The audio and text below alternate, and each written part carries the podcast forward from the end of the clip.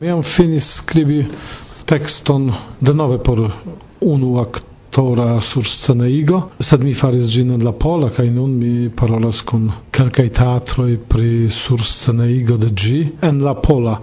Eble mi faros gin ankaŭ en Esperanto, do mi skribis samtempe en du lingvoj. Viei revoi concerne de via actuala agado.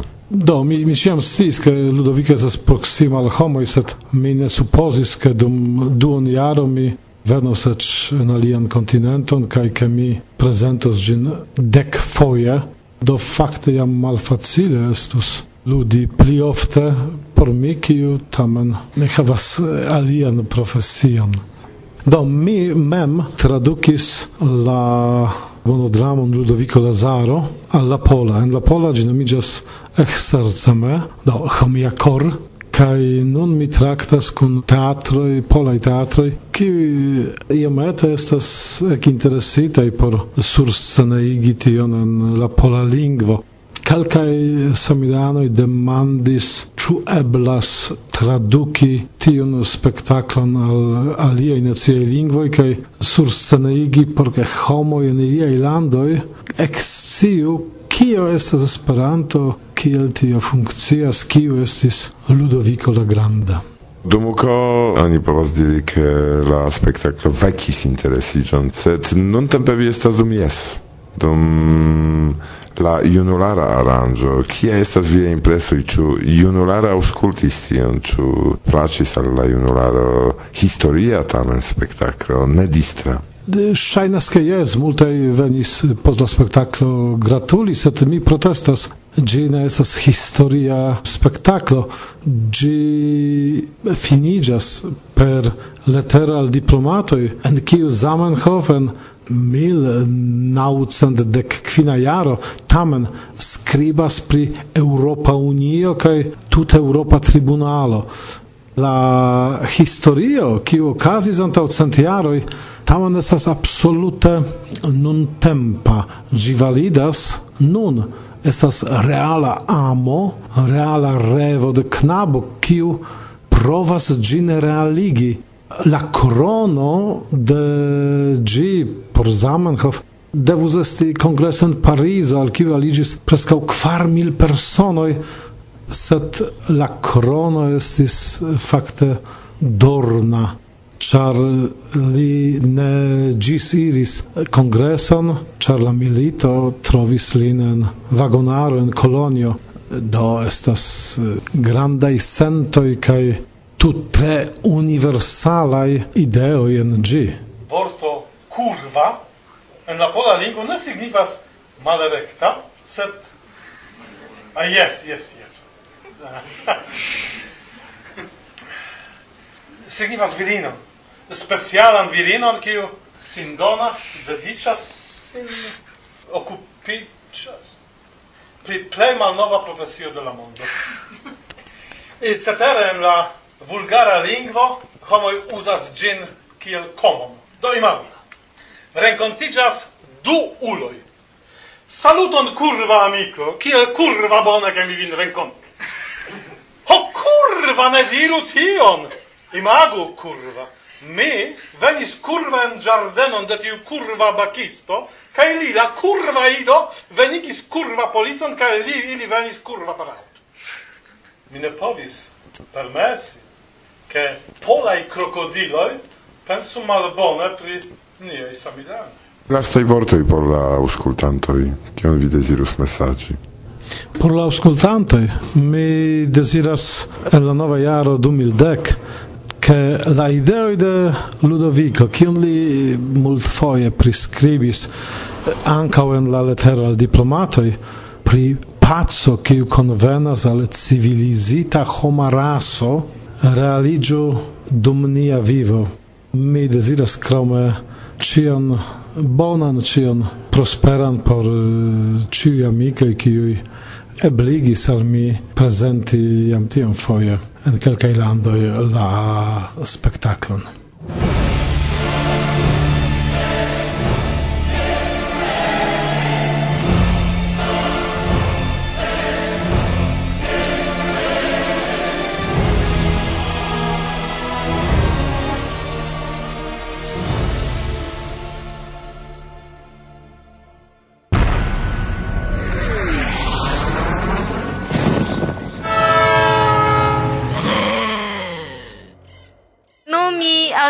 estas la programo Varsovia Vento.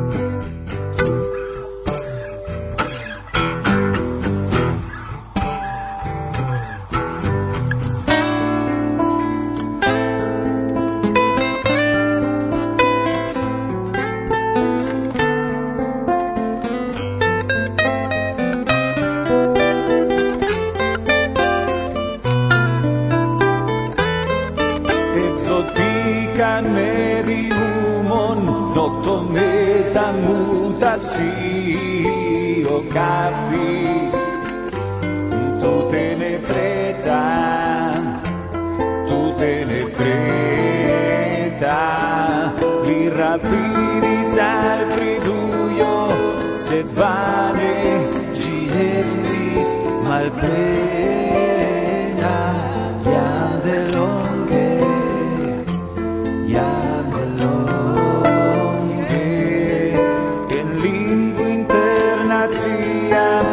auscultis la messaggio in secreta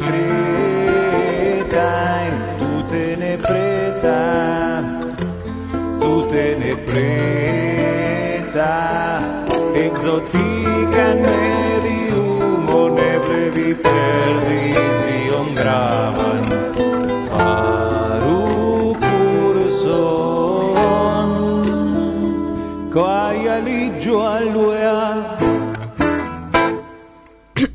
Hodiaŭ mi volas intervjui kreanton de unu interesa projekto, kiu okupiĝas pri filmoj en Esperanto. Saluton Aleksandr. Saluton Arina.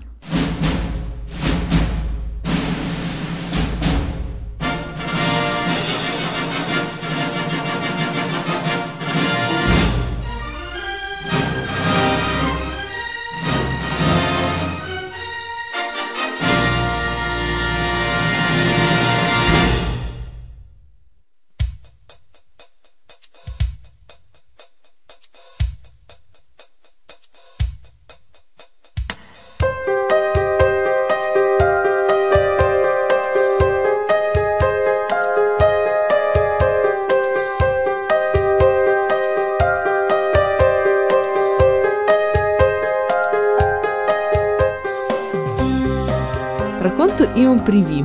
Mi estas Aleksandr Rosincev, mi estas dudek kvar jara, laŭ profesio instruisto de fremdaj lingvoj kaj tradukisto de la germana.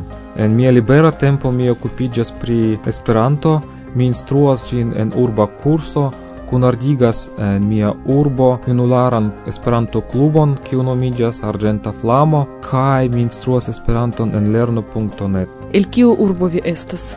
Mi loĝas en Jekaterinburgo, kiu situas en Uralo, tio estas meza Rusio. En mia urbo loĝas multe esperantistoj, ekzistas du Esperanto-kluboj, loĝas ankaŭ eksredaktoroj de la revuo Komencanto Viktoro Kudrjavcev kaj Raisa Кудрявцева kai ĉi tie dum longa tempo logis Aleksandr Korženkov kai Galina Horecka, redaktoroj de la revuo La Ondo de Esperanto kaj ĉi tie situis eldonejo sezonoj. Pri kio vi okupiĝas nun? Nuntempe mia aktivado koncentriĝas en interreto, ĉar mi ŝategas komputilojn kaj mi estis ravita pri ĝiaj ebloj kaj pri tio kiel ĝi povas helpi al homoj komunikiĝi.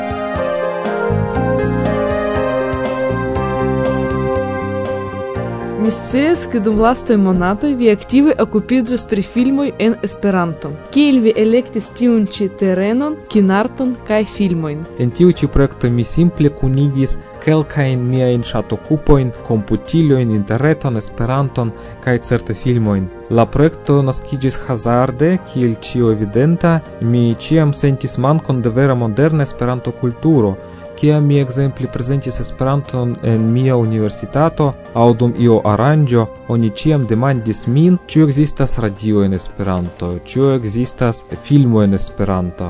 Kaj foje mi ne povis respondi pri filmoj, char existis vere malmultaj kiuj estis originale kreita en Esperanto. Do post kiam en la ĉefa forumo de rusporante esperantistoj naskiĝis la ideo traduki subtekstojn por la filmo Loĝata insulo, kiu estis filmita laŭ romano de fratoj Strugatski, mi kvolis prezenti nian laboron bele, kaj fakte tie naskigis la ideo krei unu komunan lokon, kie oni povus afiŝi filmojn kun subteksto en Esperanto ekzemple.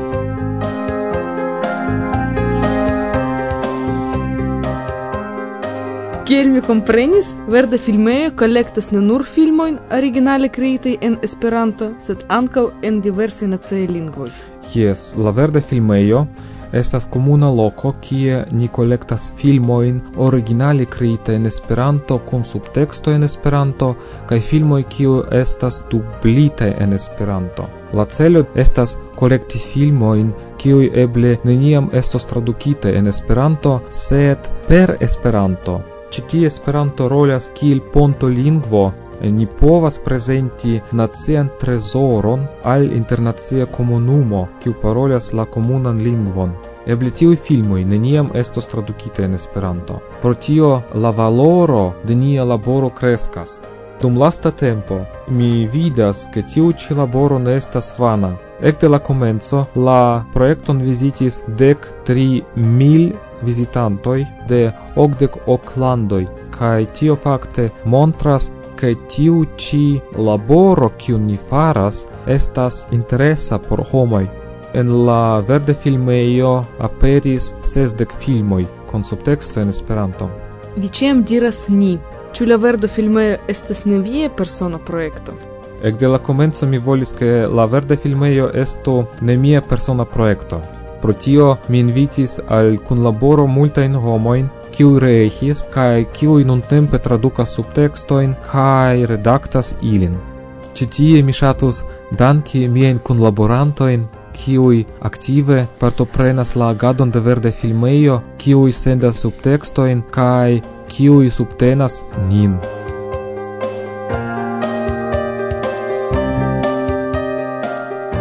Certe vi havas multe planojn.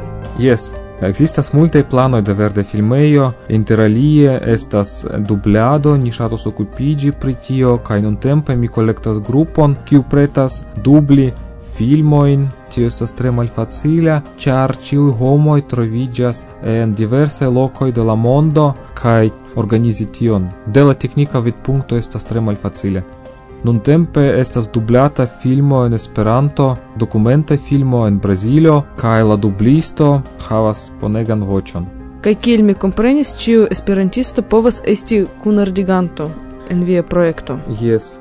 Ciu esperantisto en la mondo, kiu ŝatus prezenti filmon en sia nacia lingvo, povas kunlabori kun verda filmejo. Mi helpos de la teknika vidpunkto. Se vi havas iujn demandojn, vi povas simple messaggi al mi kai mi tre rapide respondos kai helpos. Kai kiel ofte aperas filmoi? Unu filmo dum unu semaino, ili aperas tre malofte pro tio, ke mi shatus, ke la subtextoi estu qualitai. Ciui subtextoi estus komence redactatai kai poste proligatai.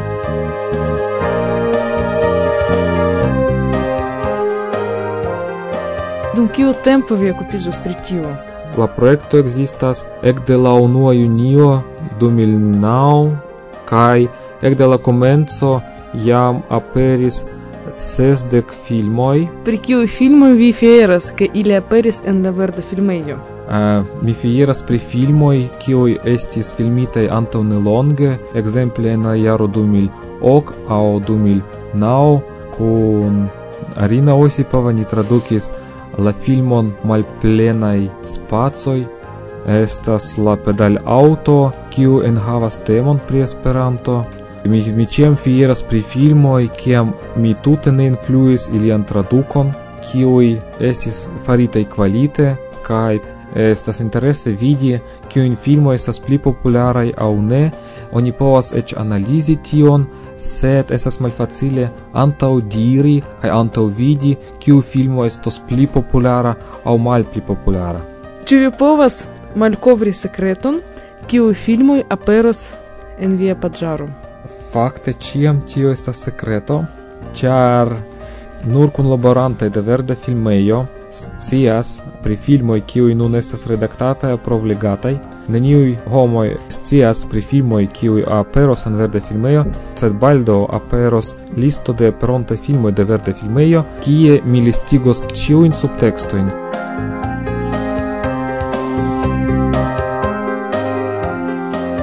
Ĉu eble vi volas ion mesaĝi al la mondo? Mi ŝatus, ke ĉiu esperantisto en la mondo povu kompreni kiel li uzas Esperanton kaj ke ĉiu esperantisto kreu originalan kulturon en Esperanto. Mi deziras al vi grandajn sukcesojn en via projekto kaj dankas vin pro la intervjuo.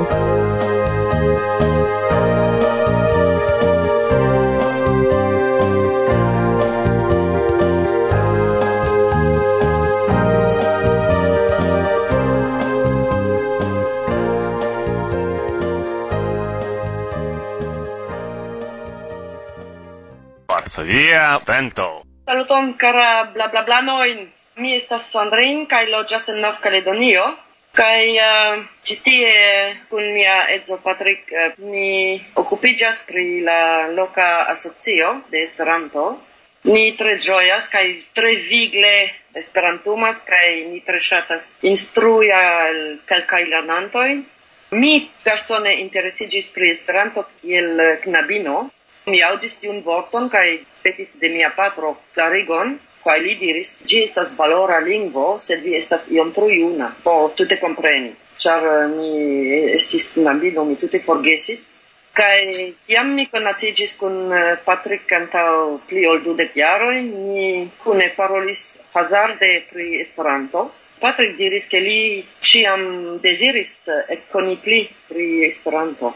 Kaj mi diris, ah, mi audis ankaŭ tiun vorton, kaj mi serĉis rete kaj trovis, kaj fakte ankaŭ forgesis, sed en 2004 ni hazarde audis pri eŭropaj voĉdonadoj.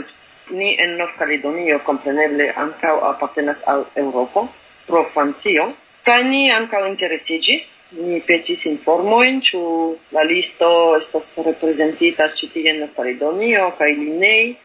No, ni bedaŭris, sed fakte ne poste oni decidis serĉi pli per la reto kaj ni trovis lernu.net kaj tio estis la komenco por mi. Preskaŭ samtempe kiel ni konatiĝis kun Edo E, ni legis en la loka ĵurnalo ke iu virino instruis senpagajn kursojn, tial ni iris. Kaj ni neniam cabeça.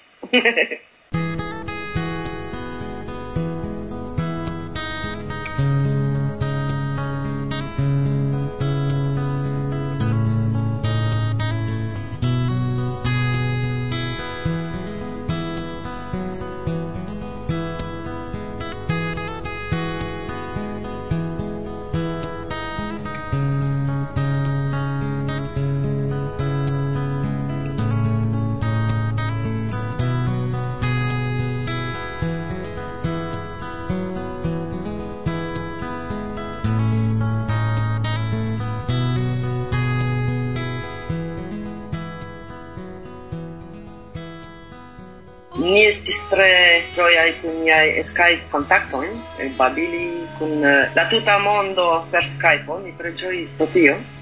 Ni partoprenis eh, la unuan eh, Oceania Kongreson en uh, Aucklando, Novzelando, kaj tie ni amikiĝis kun iama prezidanto de AEA, la Aŭstralia Asocio, kaj li petis ke ni Nov-Kaledonio eniru la Oceania Grupo, Fakte ni unue ne deziris tion, sed uh, ili frapis nin forte kaj ni akceptis.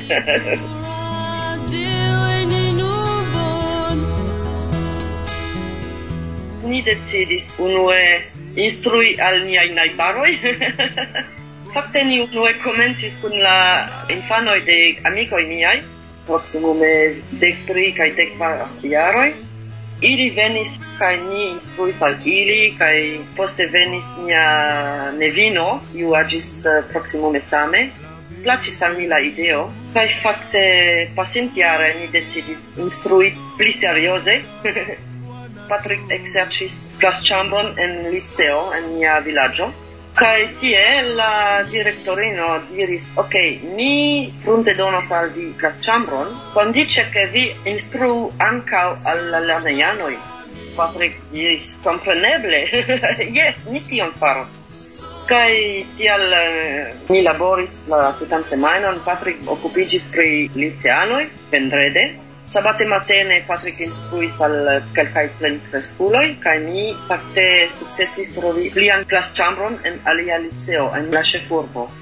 Tio bone funcciis, cae ĉar Patrick estas presidanto de NOCO EA cae mi estas sekretariino, ĉar neniu alia volas plenumi la taskon, ni decidis che ciu monate ni okazikos renkontiĝon de nokoeanoj kaj tio dauras Ca anca ciare ni rencontigas por tag mangi cune, unu foie monate, ca ni constatas che ciu estas tre gioia ciam ni rencontigas. Ciu foie la rencontigioi estas amicae ca ni multe amusigas, Bedaurinde ancora ne multae parolas tute in Esperanto, sed ni pli kaj pli batas ilin forte porque ili parolu iom pli in Esperanto. fakte ne multe da helpo. Ni tre ĝoje ricevis helpon de iu sveda asocio, kiu sendis al ni trideko da libroj, kaj ni tre ĝojis, jes, tiel eh, la lernantoj komencas iom legi, kaj ni ricevas kompreneble kelkajn revuojn. Sed tamen tiu sveda asocio vere da ni estis tre surprizitaj kaj tre dankemaj. Ni ricevis ankaŭ iom da helpo de Stano Maček, kai la Oceania Komisiono, kiu pagis seguino da lerno libroj de stano por niaj lernantoj. kai oh, jes, tio estis la plej helpo ke kiu mi ricevis. Fakte ne plu okazas la vendredaj kursoj kun la liceanoj ĉijare, ĉar ancora parte ne havis tempon, tamen eh, la, la sabatan kurson estas ege amuzaj. Patrick constatis che ili amuzicas inter si, cae estas ciam gaia etoso, cae ciam venas la tempo forlasi la clascambron, ili desiras stabili plu, Ca foie ci longe dauras pli ol du horoi, kaj ciam ili diras ah ne forgesu ni revenu ni denove renkontiĝu venantan sabaton ca ili gioie venas. Ili vere desiras plu lerni la lingvon kaj ili desiras uzi ĝin per la reto aŭ dum vojaĝoj. Ili vere interesiĝas. uh, nun restas la seriozaj lernantoj.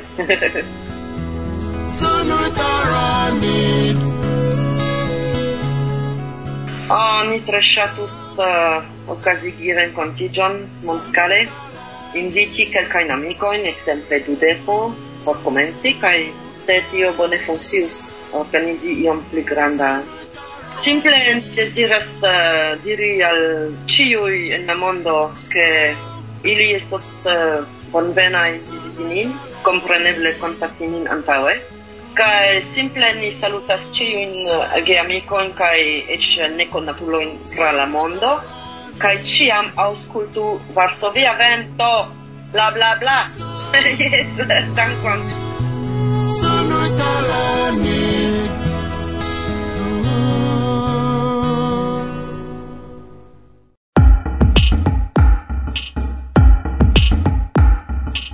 Varsovia vento. Dankon Sandrin, dankon eh, Patriko, kvankam vi ne havis kuradon ĉifoje sidi ĉe mikrofono, dankon al eh, ĉiuj aliaj kontribuantoj. Kaj tio estas preskaŭ ĉio en la hodiaŭa programo preskaŭ, ĉar ankoraŭ antaŭ vi la malaktualajoj. Salutas vin kore el Varsovio. Irek kaj Martusia. Ĝis la baldaŭa reaŭdo.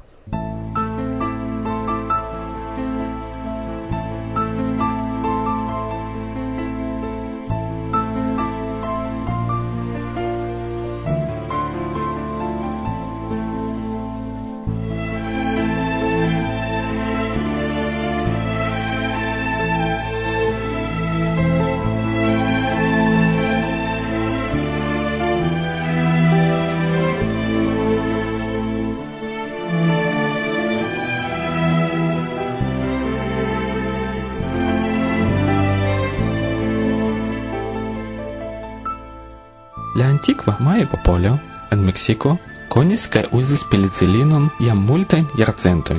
Antaŭ tiu, kaj doktoro Fleming eltrovis ĝin en sia laboratorio. Lia majai preparis la penicilinon el rostita verda greno. Ankaŭ la speciala tero, en kiu ili kulturis sian delikatajn kreskaĵojn, havis kuracan forton, kaj ili aplikis ĝin kontraŭ diversaj malsanoj.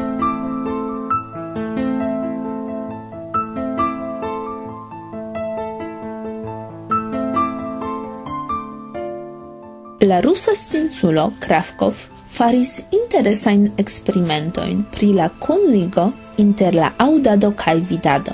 Li observadis dek homojn kaj konstatis, ke ĉe aŭdo de bruo ili havis ŝanĝiĝon en la vidpovo. Kiam per telefono pli forta sono tuŝis iliajn orelojn, ili vidis du nigrajn punktojn sur blanka fono pli klare ol ordinare sed inter la samaj cirkonstancoj ili ne vidis tiel bone du blankajn punktojn sur nigra fono. Ĉi tiu influiteco de la vitnervoj restas ankoraŭ dum kelka tempo post la forsono de la bruo.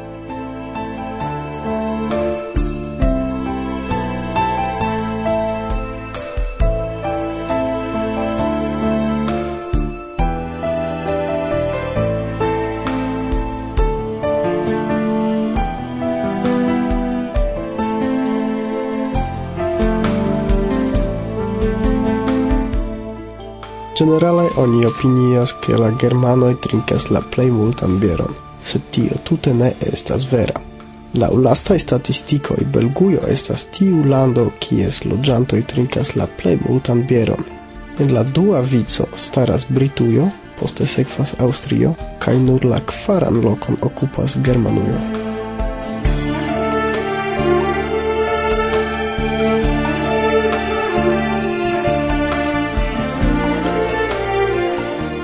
Ameriko, la deksepjara junulo Laurence Swank havis strangan akcidenton. Kiam li veturis per sia automobilo kun kvardek kilometra rapideco, en momento subite meteora ŝtono falis sur la antaŭan parton de la automobilo kaj kun granda bruo trabatis la malvarmigilon. Kvankam laŭ la taksado de la astronomoj Ciu tage dec milionoi da meteoroi falas el la cielo sur nian teron. Ili tre mal ofte causas mal utilon, char ili ancorau en la areo forbrulas per la frotigio con la areo. Nur tre mal multai tiai cielai stonei atingas la teron.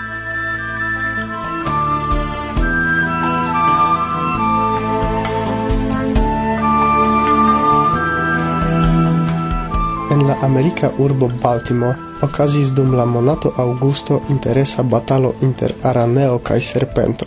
La batalo, kiu tenis en extito la tutan loĝantaron de la urbo, daŭris dum kvar tagoj. Kvankam la araneo ne estis pli granda ol la okulo de la serpento, ĝi sukcesis tamen iom post iom enretigi la multe pli grandan kontraŭulon. Fine la serpento ne povis plus in movi kai estis condamnita al la malsat morto, sed la best protecta asocio pro compato mortigis la serpenton. La araneo oni lasis en vivo.